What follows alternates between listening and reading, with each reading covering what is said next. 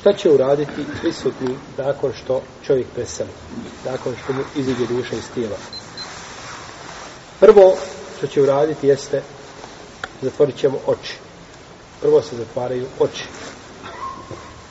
Od Ubu Seleme se prenosi da je ušao poslanik sa Oseleme kod Ebu Seleme, a njegov pogled ukočen, pa je zatvorio oči mu i rekao, stvorio oči Ebu Seleme i rekao, inna ruha idha kubidat tebahu basan duša kada iziđe iz tijela pogled prati dušu da pa ostane ukočen pa je stoga pohvalno znači prvo zatvoriti meditu oči jer kada se ohladi to je teško uraditi i mudrost tome jeste da se ne vidi promjena koja nastaje u očima medita da ne bi znači njegov izgled bio znači strašan da ne bi ovaj, ljudi se bojali mejita, u tom slučaju, znači, se oči zatvaraju.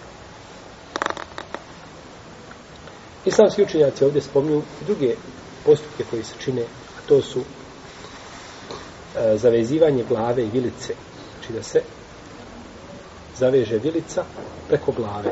Tako da ne bi se usta otvorila, pa da se ne bi tom položaju mejte ohladio, pa se neće moći više usta zatvoriti. Pa ćeš imati problema kod kupanja gdje će još imati problema. U mezar, mezar ulazit će, ulazit će, znači, insekti razni u tijelo unutrašnjost medita, jel? Talinan mafas, da se a, omekšaju ili da se razrade njegovi zglobom. Znači, zglobovi, da bi se lakše mogao medit kupati.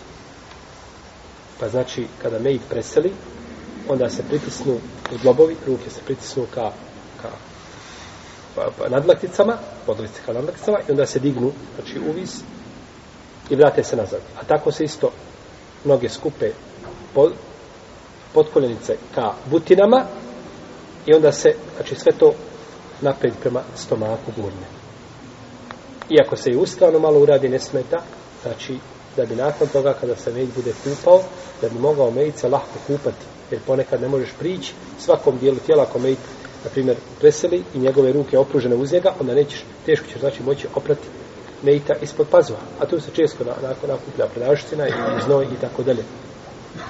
Pa je to razmekšavanje zglobova radi, znači, a, iz ovoga razloga, iako u šarijetu nemamo validnog argumenta koji bi na to ukazao. No, međutim, fakihi su vidjeli da je u tome korist, pa to praktikuju. Kao što nemamo ovaj, i za druge stvari a, a, jasnog argumenta, no međutim, islamski učenjaci vide u tome vidnu korist, pa kažu da je to lijepo učiniti. No međutim, ne kažu da je miješano neko to ne učini. Isto tako, lijepo je sa, me, sa skinuti svu odjeću. Da ne bi isprljao on tu odjeću, da je nešto izišao njegovog tijela, da isprlja tu odjeću s jedne strane, s druge strane, mejit što ima više odjeće, to mu je toplije i brže se hrani tijelo. Pa je znači lijepo da se to skine i da se mejit pokrije samo sa jednim platnom. Neki učenjaci kažu da se treba staviti težak metalni predmet, i to ovdje autor spominje, sto fakih spominje, ali nije ništa govorio o tome. Nije, znači, komentarisao to što su pravnici kazali da se stavi težak predmet na stomak. Ispravno je, više je sto rečini. predmet težak je iz razloga da se ne bi, da ne bi došlo do napuhivanja stomaka. A šta je to predmet koji je težak koji ne bi napuhao stomak? Koji je to predmet koji je težak? Koliko mora biti težak? Da ne na... I pored toga neće spriješiti napuhivanje stomaka. A ono što danas rade kod nas što stavljaju tespi, što stavljaju nož, što stavljaju sablje, ne znam više što ne stavljaju, to je sve bal, til, nikakve osnove ne. I to ne treba raditi i ne može nož spriječiti na pohivanje stomaka. Ko je rekao, stavlja se neki teži metalni predmet da se ne nadu na napuši stomak. A nož to ne može spriječiti. Nož koji ima u sebi 200 ili 300 grama ne može to spriječiti u nekom slučaju. A tespi, to je, to je isto tako batelj novotarija koja nema nikakve osnovne. Ne znam zbog čega se tespi stavlja i odakle je to došlo. Možda čovjek nikad taj testi u životu nije koristio, iako je sunet zikrit na prste, i nikada nije znao ni kako izgleda testi, ni kako izgleda džamija iznutra, i onda mu se testi stavio na njega. Kada bi stavio mushak na njega, neće mu koristiti. A ne kažemo testi.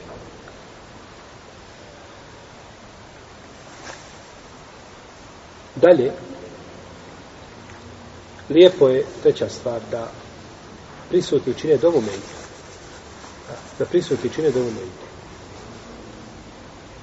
Kaže poslanik, sallallahu sallame, kada je ušao kod Ebu Seleme, kako ne prednosti Ebu Seleme, rekao je, meleki govore amin na sve što vi kažete. Kod čovjeka koji je, znači, preselio, šta god da kažeš, melek kaže amin. Pa pričaj dobro ili pričaj loše. Ovo je potom činio dovu, sallallahu alaihi wa sallam. Mm. i možete čuti viceve kod Mejita. Ko je više išao po dženazama i sjedio, ima priliku da čuje ljudi sjede i cijelo večer sjedi ali pored Mejita, običaj poznati, i onda se vicevi pričaju. Bio sam u društvu, došao sam tako jedne prilike, radilo se o komši, gdje čovjek priča, znači bez imalo stida kako je ne mora učiniti. A ispred njega me ide. To je srce od kamena. To je Allah srce zapečetio. Mejit ispred tebe. I ti govoriš kako si Allahu nepokoran bio. I šta si činio? A meleki aminuju na ono što se govori i što se priča. Četvrta stvar, da se pokrije njegovo cijelo tijelo. Kaže Aisha radijallahu talana, kada je poslanica osnovna preselija, pokrili smo njegovo tijelo sa jednim prekrivačem. Peto, da se požuri sa pripremom meita. Da se požuri sa pripremom za dženazu, jer kaže poslanik sa osvrme u Hadisu, koga bilože Buharija i Muslim, požurite sa dženazom. Kada kažemo dženaza, mislimo na koga? Na mejđa. Ne mislimo na dženazu, namaz dženazu. Kažemo, unijeli su dženazu u džaniju. Unijeli su, znači, mejta na tabutu ili mejta su na nebitu, kako? U džaniju. Požurite sa dženazom. Pa ako je dobra, nosite je ka hajru, A ako je zlo, ako je bila loša ta dženaza, odnosno ta osoba, pa kaže to je zlo koga ćete se riješiti. S kim ćete ga svoj leđu? U svakom slučaju je dobro. Ili je dobro vama, ili je dobro njemu. Nekome je dobro, ali sa njim treba požuriti. Sa njim treba požuriti, sa mejtom. A požurivanje sa mejtom po ispravnom mišljenju obuhvata kako njegovo nošenje prema kaburu, tako isto i opremanje, davanje kifine, kupanje, znači, i pripremu za ukop. Sve to obuhvata. I kakva korist da ti požuriš sa dženazom 300 metara do kabura požuriš sa njim, a prije toga ga držiš 2 ili 3 ili 5, 10 dana ga držiš u križdjevima.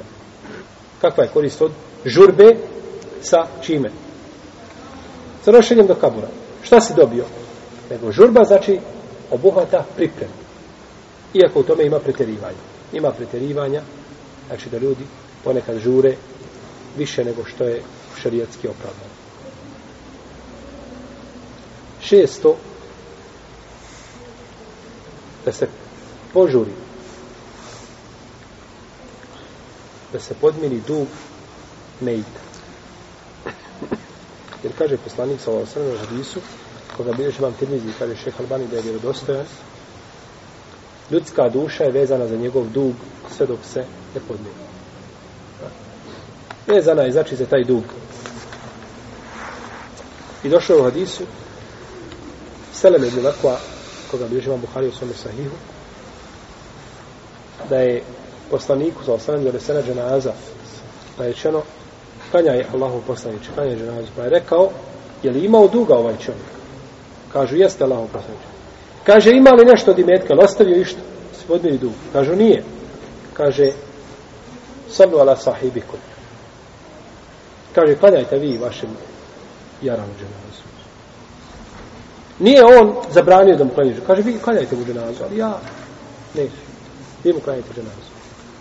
Pa se javio jedan sar je rekao, Allahu poslanče, taj dug je meni na vratu, ja ću ga za njega vratiti, pa je prišao i tada. A međutim, pogledajte, znači da nije htio prići da klanja dženazu čovjek koji je pod dugom.